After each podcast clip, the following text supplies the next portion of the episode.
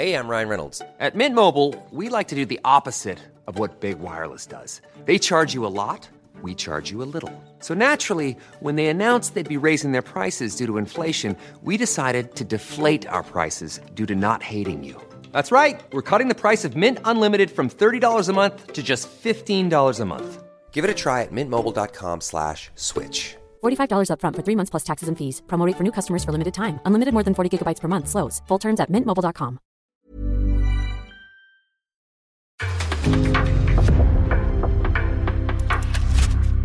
En podcast från Aftonbladet.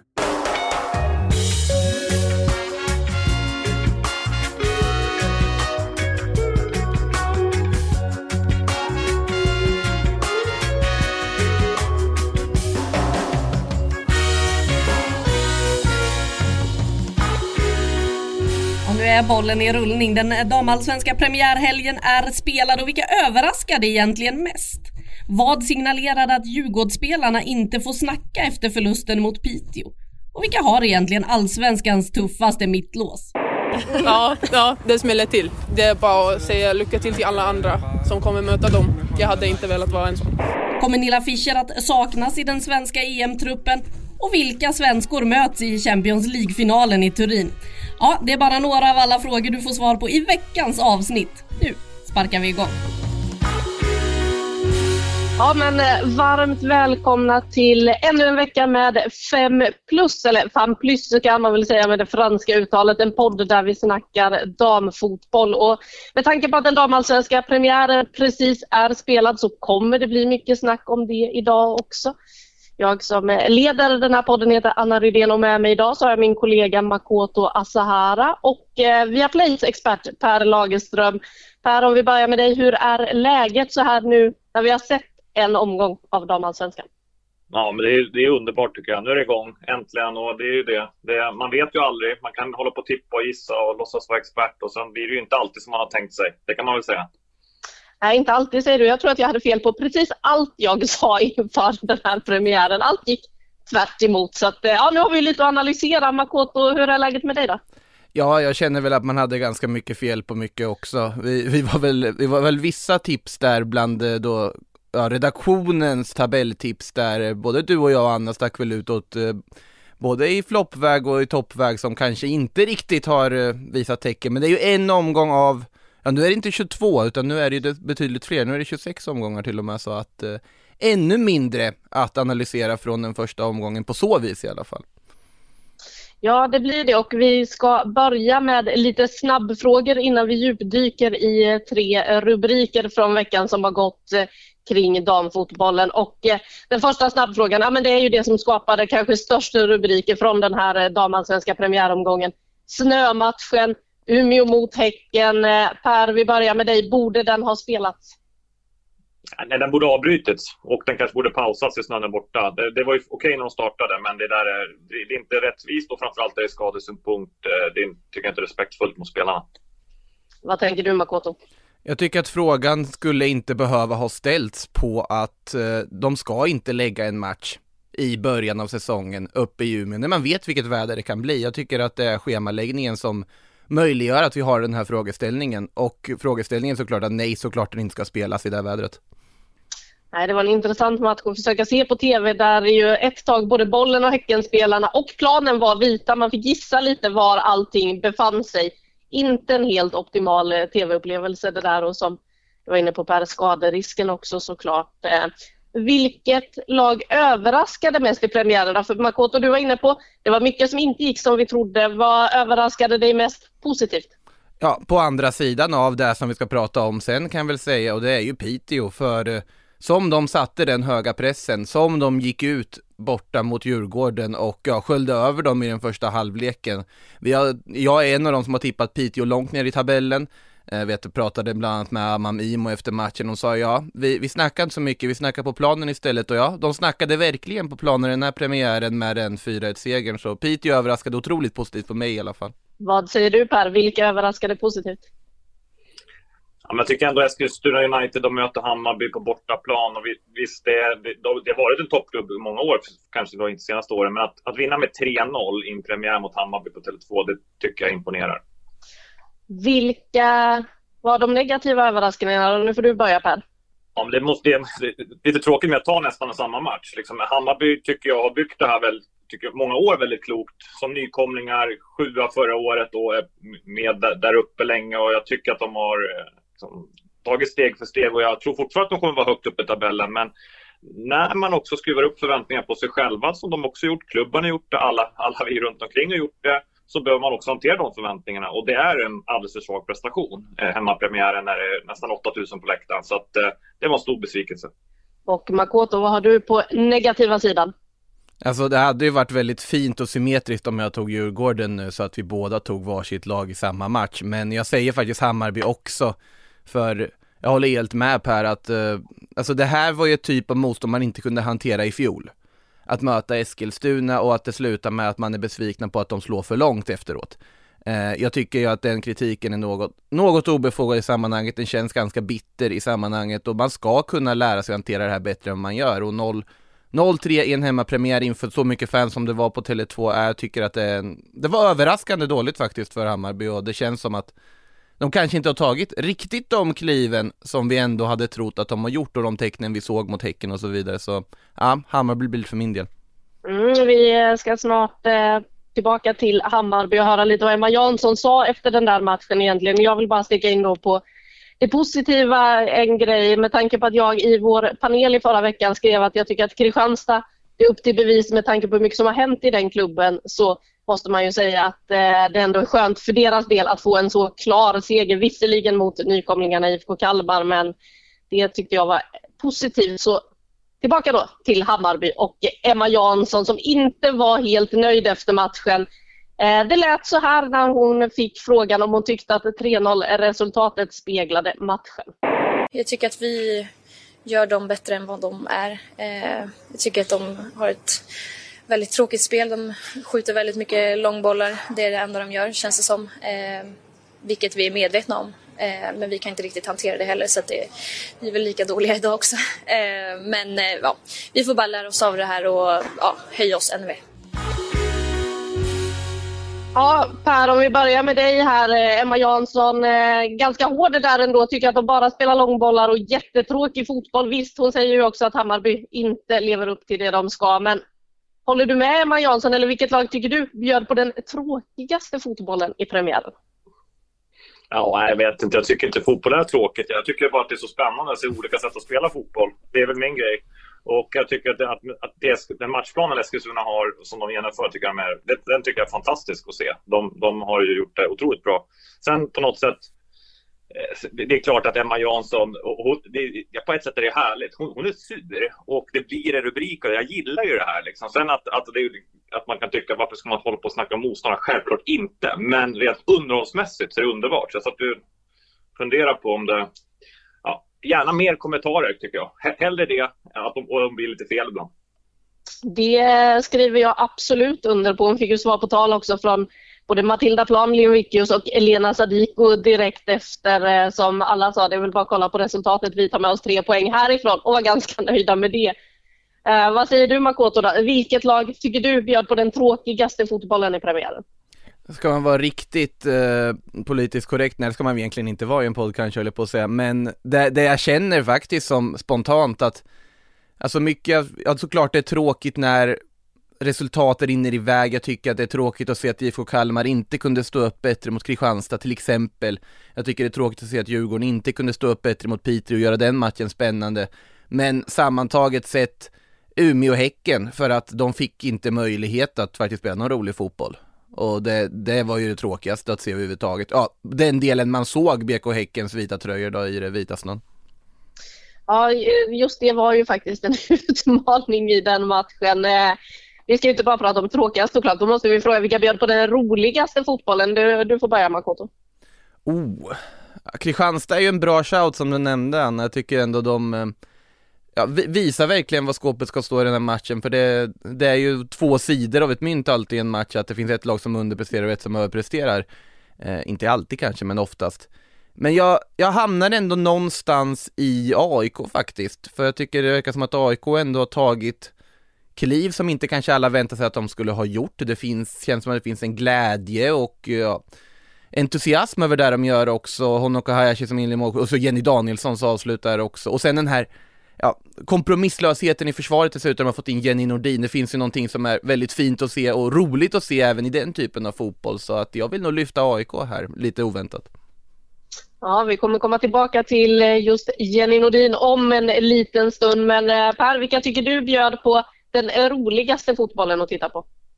Det roliga Piteå såklart. Helt, helt nyidentitet. Vilka mål de gör. Både 1-0, 2-0 och pressspelet, aggressiviteten. Det var ju, jag tyckte det var njutning att sitta och titta på den matchen. Ja, den såg man kanske inte komma inför. En av alla de grejerna som man då blev överraskad av i den här omgången. Vem gjorde det snyggaste målet? Ni får hugga. Den som hugger först får svara först. Ja, vi får inte svara samma eller? Ja, det får ni väl kanske om ni vill. jag, jag har två, så ta en du. Ta, ta, ja, det beror på vilka två du har. Kör du Per. Nej, men då tar jag ändå, då tycker jag Maja Grens eh, 2-0 mål för mm. Piteå mot Djurgården. Oerhört läckert avslut. Sin pärla. Ja, alltså den halvvolleyn när den bara smyger in och sen är det så svårt att jämföra den med Eriksdotters Ja, det som man tänkte var, är det ett inlägg? Men hon efter matchen också sa att nej då, det där var inget inlägg, det där var ett avslut, vi har tränat på det där. Så att det är väldigt svårt att, men alltså det var så otroligt många vackra långskott i, så jag, och det är så svårt att liksom jämföra dem. Jenny Danielsson ska ju in i den här kategorin också till exempel.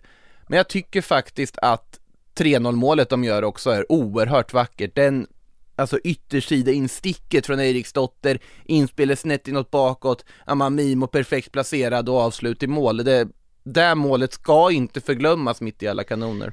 Och så ska vi blicka lite utanför eh, Sverige men vi befinner oss mitt i eh, Champions League-kvartsfinalerna. Det, det första mötet är spelat, det andra mötet det kommer här i veckan och vi har ju svenskor precis överallt, något som Peter Gerhardsson gärna påpekade i samband med att han skulle ta ut truppen nu till eh, VM-kvalet här i veckan.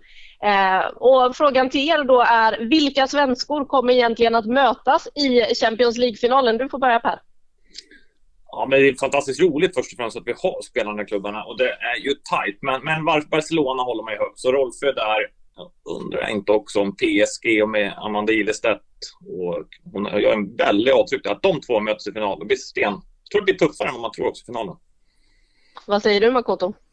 Ja, alltså bara tanken på Barcelona-PSG igen med tanke på hur den semifinalen såg ut i fjol. Eh, det, det vattnas ju om munnen för vilken fantastisk match det var med den intensiviteten, det tempot, alltså det var det var nästan en annan sport än, eh, än det man ser i damallsvenskan. Det var helt otrolig nivå på den matchen tyckte jag. Eh, ja, så jag instämmer, Rolfö mot Ilestedt. Sen tror jag att det blir svårt att stoppa det här Barcelona oavsett hur vassa PSG är också. Men eh, ja, Barca PSG i final, alltså Rolfö mot Ilestedt. Ja, då har vi Champions League-finalen klar där också. Vi fick ett besked eh, så sent som igår att Nilla Fischer tackar nej till fotbolls-EM i sommar. På vilket sätt kommer hon att eh, saknas i EM, Makoto? Ja, alltså Nilla Fischer saknas ju alltid i en landslagstrupp med tanke på de ledaregenskaperna hon har, med tanke på personligheten hon har och vad hon betyder för gruppen. Men vi fick ju också se en sommar i Tokyo där det här laget tog kliv, även om Nilla Fischer inte var närvarande när andra spelare klev fram, när andra ledargestalter klev fram. Jag tror att Sverige kommer klara sig utmärkt även utan Nilla Fischer. Med det sagt, såklart, Nilla Fischer alltid är saknad, men jag tror inte vi kommer få någon större effekt på insatsen för det svenska landslaget. Vad säger du Per? Vad saknas när Nilla Fischer inte är med? Jag tycker man nog ska se det på det sättet som man gått inne på. Det, det har varit en generationsväxling. Det Nilla Fischer gjort för svensk fotboll kommer ingen någonsin ta från henne. Hon var en världsspelare, spelat liksom, otroligt viktig för landslaget, vunnit stora titlar och var så det, det, kommer ingen någonsin ta från henne. Ovärderlig för svensk fotboll. Men nu har vi andra spelare som har visat upp det resultatet. Och tycker jag snarare att vi ska kanske tacka henne för sin, sin tid. Sen om hon vill vara har möjlighet och kan och vill så kan självklart ska hon konkurrera i en landslagstrupp. Men, så att jag, jag mer vill alltså liksom titta historiskt och nu, jag tror, jag vill Janne Andersson brukar säga, nu är nu då och då. Så säger jag också Nilla Fischer. Och stor, stor respekt för vad hon gjort för svensk fotboll. Och eh, vi kan väl ta och lyssna också då på vad eh, lagkapten Caroline Seger säger om beskedet att eh, Nilla Fischer har valt att tacka nej. Det respekterar man ju. Alltså hon har en eh, familjesituation som ser ut som den gör och det är ju inte, vi lever inte på pengar i, i, på, i damfotbollen så att man kan eh, kanske anställa någon och hjälpa till. Så jag förstår det och respekterar eh, eftersom det handlar om familj. Så tråkigt för landslaget och vet ju att Nilla hemskt gärna hade velat vara med men det är som det är. Ja, hon berättade själv att det var tungt att följa OS från sidan. Liksom. Och ni har ju kamperat ihop länge. Vad betyder det personligen för dig att inte få vara med en kompis vid sidan om där? Nej, men eh, jag fick ju tyvärr uppleva det under OS. Eh, men det är ju så. Alltså Nilla har ju haft lite, det har ju varit lite struligt på, på eh, den sidan. Att hon inte har kunnat följa med alltid på grund av familjeskäl och så. Så att jag har ju fått sakta men säkert vänja mig. Men det är en tomhet och hon betyder ju massor för mig. Men jag har som tur många vänner i landslaget. Nu är ju Linda tillbaks igen så då har jag en om inget annat. Åldersskillnaden blir inte lika stor. Nej, precis. Och så går vi över då till sakerna som eh, har skapat en del eh, rubriker, lite djupare ämnen. Här ska ni få prata lite mer om eh, de olika ämnena. Vi har tre grejer på agendan och vi börjar med de som inte fick snacka, det ska vi snacka om såklart. Eh, det handlar om Djurgården som efter förlusten mot Piteå-premiären inte lät eh, spelarna prata. Man skickade fram sportchef Jean Balavo, det var tränare Magnus Paulsson och eh, till slut också lagkapten Sanna Kullberg. Första beskedet var att det inte skulle vara några spelare alls men Sanna Kullberg kom dit och svarade långt och länge på frågorna. Det ska man verkligen ge kapten Kullberg. Men Per, hur reagerade du på de här rubrikerna och eh, beteendet från Djurgården?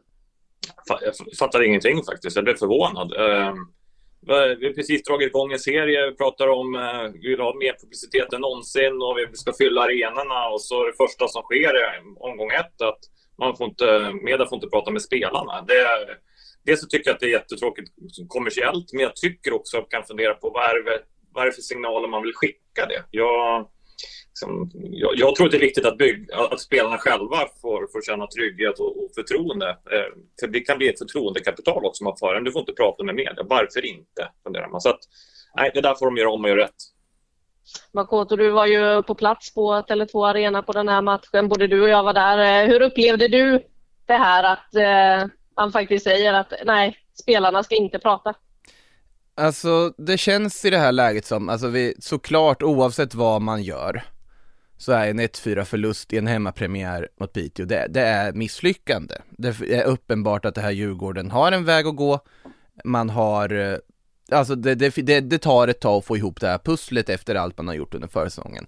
Och det, det, ska sägas att då har det ändå varit en försäsong där man har känt att de har värvat väldigt spännande spelare. De har värvat rätt typ av spelare, de har värvat intressanta spelare och det ska bli väldigt spännande att följa dem.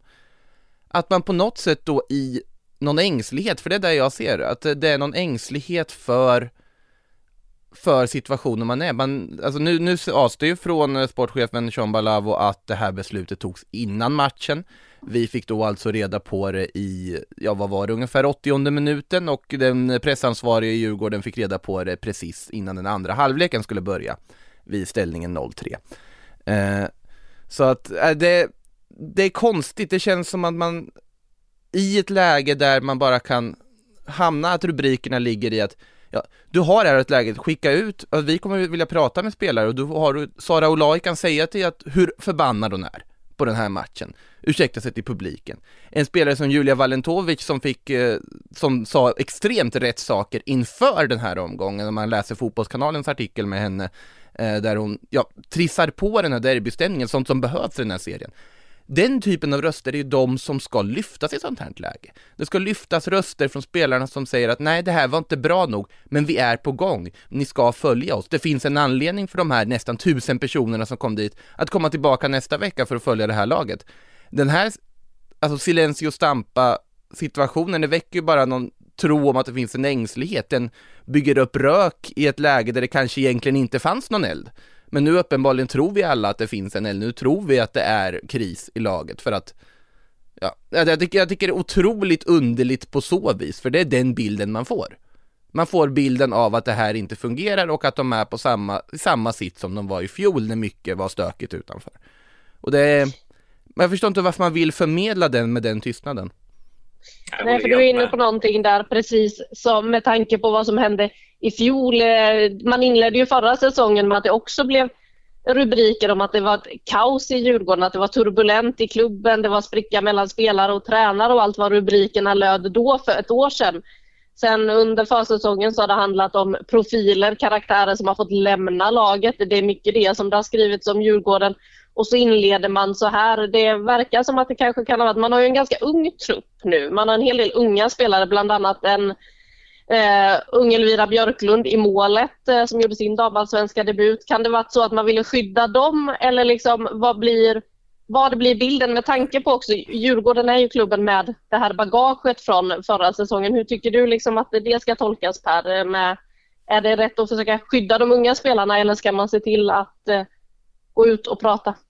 Nej, alltså det det, det, det, kan vara någon enskild spelare som har uttryckt önskemål. Jag tycker det, det, kan man ta ansvar för som förening om det finns någon som man känner inte mogen, inte vill. Men rent generellt så, så, tyck, så tror jag det är en del av att vara elitidrottskvinna att kunna svara på den här frågan. Man behöver, man behöver göra det. Och jag återigen, även om man inte svarar bra, alltså vi tar Emma Jansson-exemplet igen, även om man är förbannad så, händer, så vad är det värsta som kan hända? Det är att Matilda Plan blir lite sur på henne så har vi en ännu härligare duell när de möts nästa gång. Jag tycker fortfarande det är spelarna som ska spela matcherna. Man måste visa förtroende för dem. Men jag är inte dugg orolig de skulle ha sagt. Snarare tvärtom. är de sura så är de sura, det är underbart. Är de strategiska så, så säger de kloka saker. Det släpp fram alltså, de som det handlar om. Ja, det kan ju mycket väl, såklart det kan finnas en väldigt liksom god mening med att man vill skydda spelarna och så vidare när en har en ung målvaktsdebutant som kommer in och släpper in fyra mål, men det finns också på något sätt ja, då, då får nästan hon alltså säga det eller liksom meddela men jag vill inte göra de här intervjuerna. Då är, det, då är det helt förståeligt, men samtidigt vad är det för tro man har på den svenska mediekåren? Vi är, vi är ganska snälla, jag måste ändå säga det. Vi är inte så farliga på så sätt att, att man skulle kasta en tonårig debutantmålvakt under bussen eller på, på så vis. Eh, men det jag kan köra fel här, det är svårt att bedöma en själv. Men eh, jag, tycker det, jag tycker bara det är underligt, jag tycker man skapar en krissituation från någonting som absolut inte behöver vara en krissituation. För det är nu vi börjar sitta och fundera på hur mår Djurgården? Hur är det att de faktiskt inte har en renodlad vänsterback i truppen? Hur är det egentligen med liksom ledargestalterna i truppen när ja, Sanna Kullberg som är nyförvärv och också som sagt kommer, kommer ut, svarar på frågor och sköter det utmärkt. Eh, som sätts i också en ganska otacksam situation. Nyförvärv går in med lagkaptensbinden i första matchen, i, i första tävlingsmatchen från start. Eh, man, eller första ligamatchen från start. Så det väcker frågor som inte behöver väckas. Det här skulle kunna varit en situation där vi pratar om att ja men Djurgården såg faktiskt ganska bra ut i andra halvlek. Om de hade fått en straff där vid ställningen 1-4 som jag tycker att de borde ha fått, då kanske det till och med blivit match av det här. Men de rubrik, de meningarna dyker aldrig upp i texterna på grund av det här. Så att det är eh, jättekonstigt tycker jag. Och hur mycket mer blir det så just med tanke på bagaget Djurgården har från de senaste turbulenta säsongerna? Ja, det, det är ju just på grund av det. Det är ju just på grund av att det var turbulent i fjol också och såklart att det säkerligen kan också ha spelat in i beslutet från dem. Men i det här fallet, oavsett vad det fanns för tanke bakom det, om det fanns all välvilja, vilket jag vill såklart tro att det finns för det råder ju ingen tvekan om att både sportchef John Balav och tränare Magnus Paulsson alla vill Djurgårdens bästa. De vill såklart Djurgårdens bästa, det ska gå så bra som möjligt för dem. Men i det här fallet så blev det helt enkelt fel.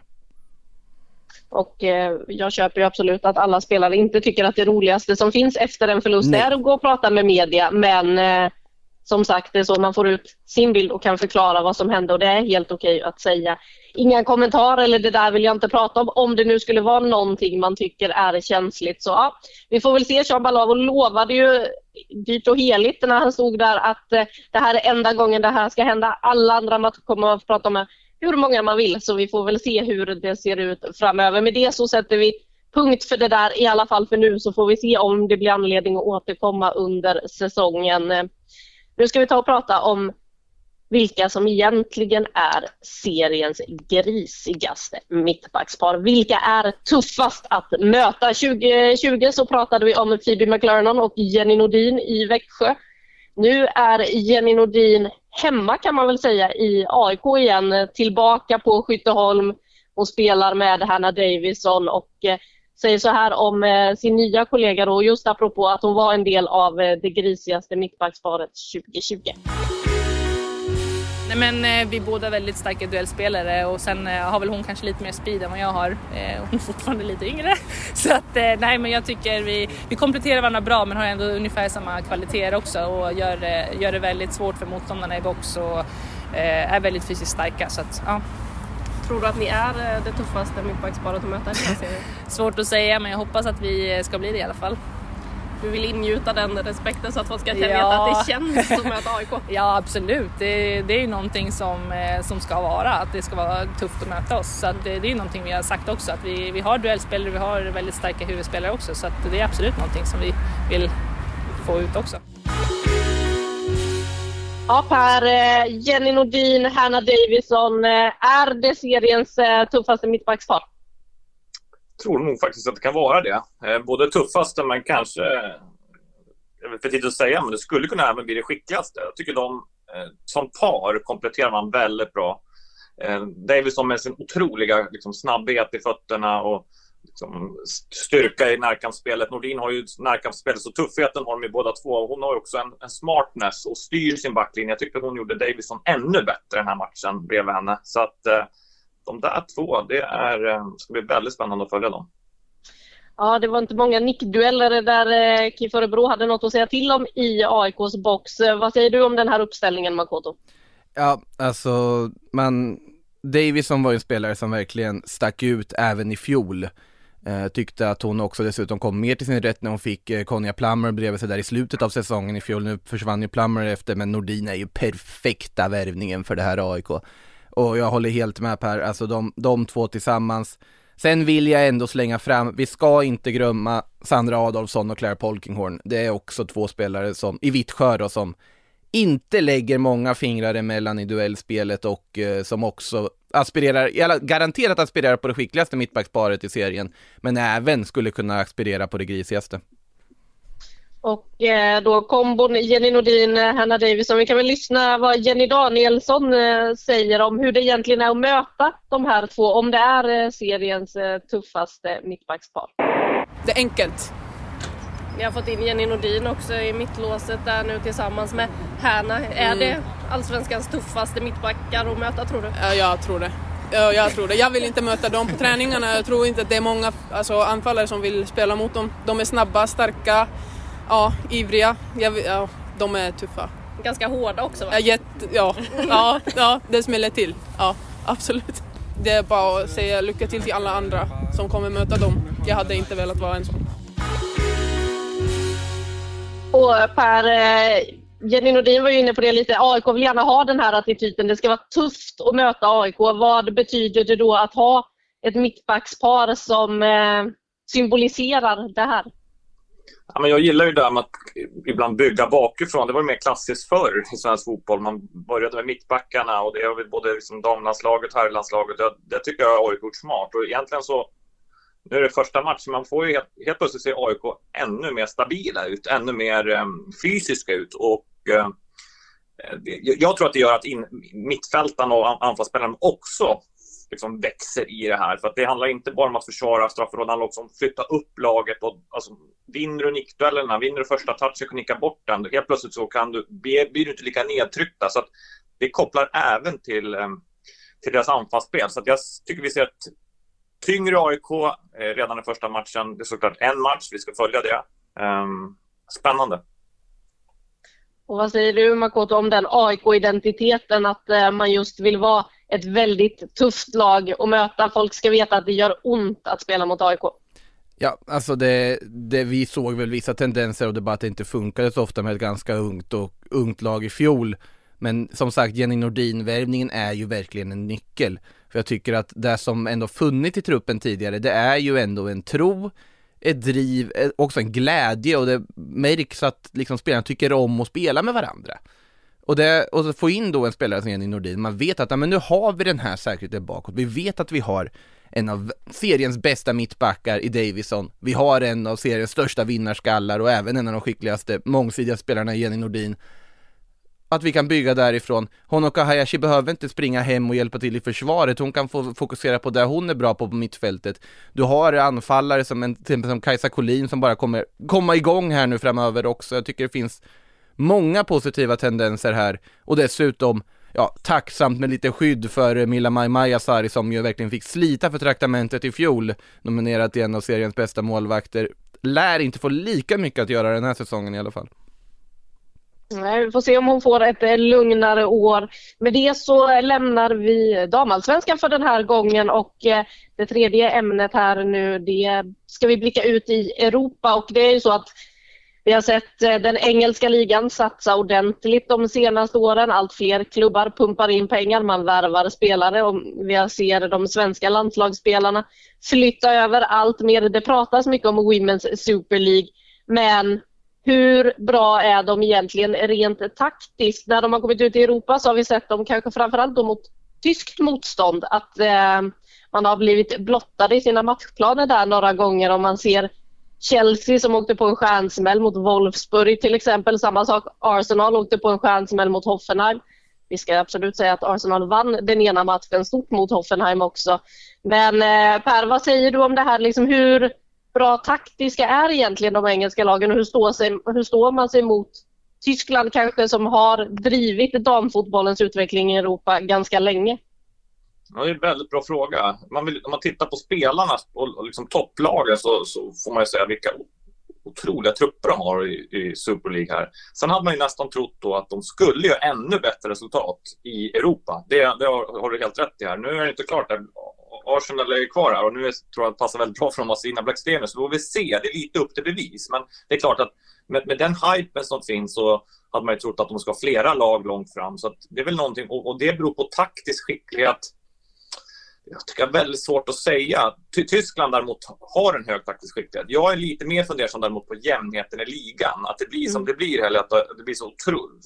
Chelsea vinner med 9-0 och att så här, vanan att spela oerhört tuffa Europacupmatcher Eh, till att spela matcher som, som är för enkelt, det kanske har ännu större betydelse. sitter jag och funderar på. Jag vet att Hanna Bennison eh, när hon flyttade till Everton bland annat blev lite förvånad över att det inte snackades så mycket taktik i England som hon kanske var van vid. Att eh, det inte alls var det som var fokus på, att allting var väldigt proffsigt runt omkring men taktiken, den kanske man inte snackade lika mycket om. Vad säger du om statusen på Women's Super League, eh, Makoto, och eh, hur taktiskt skickliga de engelska lagen är utifrån det de visar upp i Europa? Jag känner lite igen tendenserna man såg på, alltså herrsidan eh, runt, ja vad ska det vara, liksom 2010 strax innan där när det var väldigt mycket prat om hur otroligt före Premier League var att det skulle vara världens bästa liga och så vidare. Men lagen, ja, lös med sin frånvaro när det skulle avgöras. De hade inga spelare med i, alltså de var inte nära när det kom till matcher mot lag som Real Madrid, Barcelona, Bayern München på den tiden och det fanns någon sorts övertro på den brittiska ligafotbollen.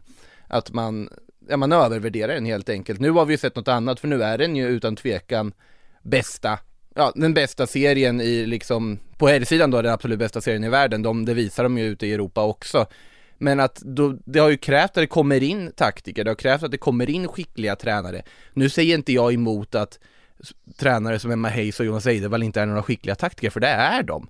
Men uppenbarligen så är de inte så pass bra som man kanske ändå vill förmedla, så jag tycker det finns en övertro på Super League-status för att de har pengarna, för de har professionalitet, de har allting runt omkring. Men att just det där är ju sånt som i, på sikt kommer leda till att de kommer att dominera. För jag tror helt uppenbart att de kommer att bli, de kommer ha den bästa lagen i världen framöver. För att de har de bästa förutsättningarna för att bygga det. Men just nu, här och nu, så är de en bit ifrån de bästa i ja, Spanien och Frankrike framförallt. Tar man bara ett inlägg, det är också intressant när man kanske om de fyller på med internationella tränare. Det gör de, och så, när en liga växer så kommer ju även pengarna gå upp där. Vi har ju Jonas Eidevall nu och det är ju, min erfarenhet av honom är ju en väldigt taktisk tränare. Så vi får väl se vad han hittar på här med Arsenal. Eh, det skillnad kanske om man har jobbat traditionellt och bara jobbat liksom, i, en, i ett land många år. Jag tror det är viktigt att, att tränarna har varit i många olika länder och sett fotboll och tränat fotbollslag. Mm. Mm, det blir intressant att följa utvecklingen i Europa och eh, med det så eh, ska vi gå till den eh, sista punkten i dagens eh, podd och det är ju då vem eller vad som får 5 plus den här veckan och ja, den här veckan så är det publikfesterna som får 5 plus. Det tog en timme att sälja slut EM-finalen på Wembley. Och innan ni får prata om det här grabbar så ska vi lyssna på vad Caroline Seger säger om det faktumet. Nej men det äntligen och precis som det ska vara och fantastiskt, alltså ganska väntat skulle jag säga ändå. Ehm, så får se om det är några biljetter kvar till familj och vänner. Det hade ju varit kul. Ja, för om ni kommer dit då vill du gärna ha dem på plats? Ja, det hade ju varit eh, otroligt häftigt att få uppleva en sån grej. Så eh, ser fram emot EM och förhoppningsvis ska kunna ta oss hela vägen till ett fullsatt Wembley. Ja, Wembley tar ju 90 000. Det skulle vara EM-rekord både damer och herrar om det är så mycket folk på plats. Ja, eh, nej det är ju helt otroligt så att eh, kan man få vara med om ett sånt. Nu fick vara med, vara med under OS eh, 2016. Jag vet inte hur mycket folk det var då men det var ju ganska mycket. Det var mycket, mycket folk på marken. Ja, så eh, det är ju sådana matcher man eh, får uppleva någon gång då och då i sin karriär så eh, det gäller bara att ta sig dit och den vägen är ganska lång. Jag trodde först du skulle säga OS i Tokyo, där var det inte jättemycket nej, folk. Nej, det kommer jag ihåg. Anna, jag blev lite orolig där när Seger började referera till OS och tänkte att i Tokyo var det ju ingen publik alls. Men Maracana, ja, där var ju en fantastisk eh, stämning. Nu kan det alltså bli upp mot 90 000, det kan bli nytt EM-rekord i finalen. Per, vad tänker du om de nyheterna att det säljer slut så fort? Jag tänker faktiskt att det är väntat. Lite, liksom, lite märkligt kanske. För att man har hört det här intresset att det ska bli kanske det största mästerskapet någonsin. Damfotbollen i England är het, men också hela Europa. Många lag konkurrerar. Så att, men det är såklart oerhört roligt. Eh, och det, det, kommer bli en publikfest utan dess like. Det här, eh, ja, det är häftigt. Det är något att se fram emot, alltså en EM-final på Wembley. Men Makoto, vi har ju redan nu till veckan en publikfest i eh, Spanien där Barcelona tar emot eh, Real Madrid i returen i Champions League på Camp Nou. Och eh, ja, det kommer vara mycket folk där också. Ja, och det förtjänar de ju. Det, det är liksom Alltså Barcelonas eh, satsning, den har ju varit långsiktig, den är utan tvekan det bästa laget i världen och de spelar en helt fantastisk fotboll. Och det, det, är ju nästan tjänstefel av lokalbefolkningen i Barcelona och inte bara samlas där för att få se ett Barcelona fullkomligt köra över Real Madrid på det sättet jag tror att de kommer att göra. Eh, nu gjorde ju Real Madrid en eh, alldeles strålande insats i eh, det första ja, Champions League-kvartsfinalen dem emellan där, men det ska inte räcka i en retur borta mot Barca på Camp Nou inför den, alltså inför den publiken, då, då är Barcelona väldigt många steg före och ja men det är, vi ser ju de här tecknen överallt, vi såg det ju på Old Trafford där i helgen när Manchester United spelade inför mass, massvis med publik och otrolig stämning. Jag tycker vi såg det på Tele2 här i Sverige också när Hammarby lyckades samla folket. Och sen kanske i mindre skala men någonting som jag ändå tar med mig eh, från den här helgen var det faktum att eh, ja, Djurgården, de spelade ju två matcher på Tele2 i söndags. Först då var det herrarna som hade träningsmatch och genrep som, ja det var såklart en ja, effekt av att man åkt ur i cupsemifinalen och det är en ligapremiär en vecka bort och det är landslagsuppehåll. Men det var otroligt ödsligt på arenan, det var tomt, det var tyst, det var inte mycket media där överhuvudtaget. När damerna ska spela däremot, betydligt mycket mer folk på läktarna, betydligt mycket mer tryck och trippelt så mycket journalister på plats. Bara den, alltså skiftet där, det tyckte jag var väldigt häftigt att se, för det hade inte vi sett för några år sedan. Oavsett om det var en träningsmatch eller tävlingsmatch eller vad det var, och det tyckte jag var väldigt fint att se. Sen var det tråkigt såklart att Djurgården inte kunde bjuda upp till dans då, i och med det. Även om det är en mindre skala så tycker jag det är något man kan ta med sig också.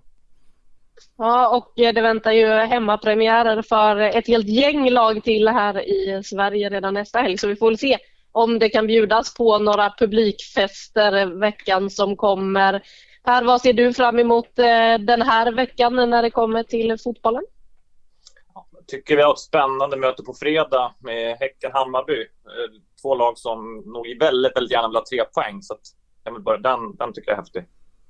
Ja, det känns som att eh, det är lite upp till bevis för Hammarbys del där och Häcken med tanke på att det kommer en snöplig kvittering från Umeå så har väl de också mer att bevisa. Vad ser du fram emot Makoto?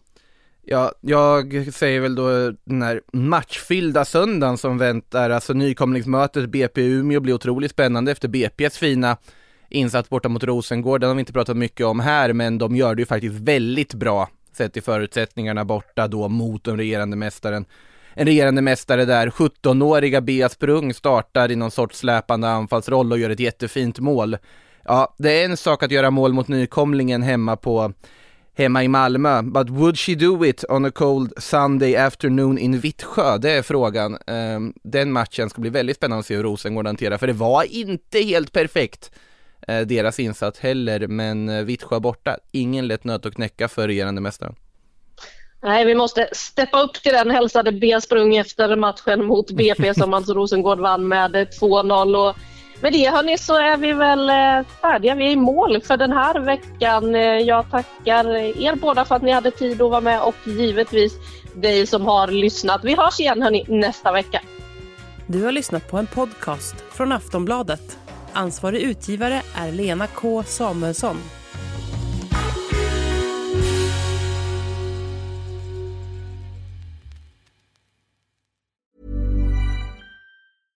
Ryan Reynolds here from Mint Mobile. With the price of just about everything going up during inflation, we thought we'd bring our prices down. So to help us, we brought in a reverse auctioneer, which is apparently a thing. Mint Mobile unlimited premium wireless. Ready to get 30, 30, bit to get 30, bit to get 20, 20, 20, bit to get 20, 20, bit to get 15, 15, 15, 15 just 15 bucks a month. So, Give it a try at mintmobile.com slash switch. $45 upfront for three months plus taxes and fees. Promo for new customers for limited time. Unlimited more than 40 gigabytes per month. Slows. Full terms at mintmobile.com.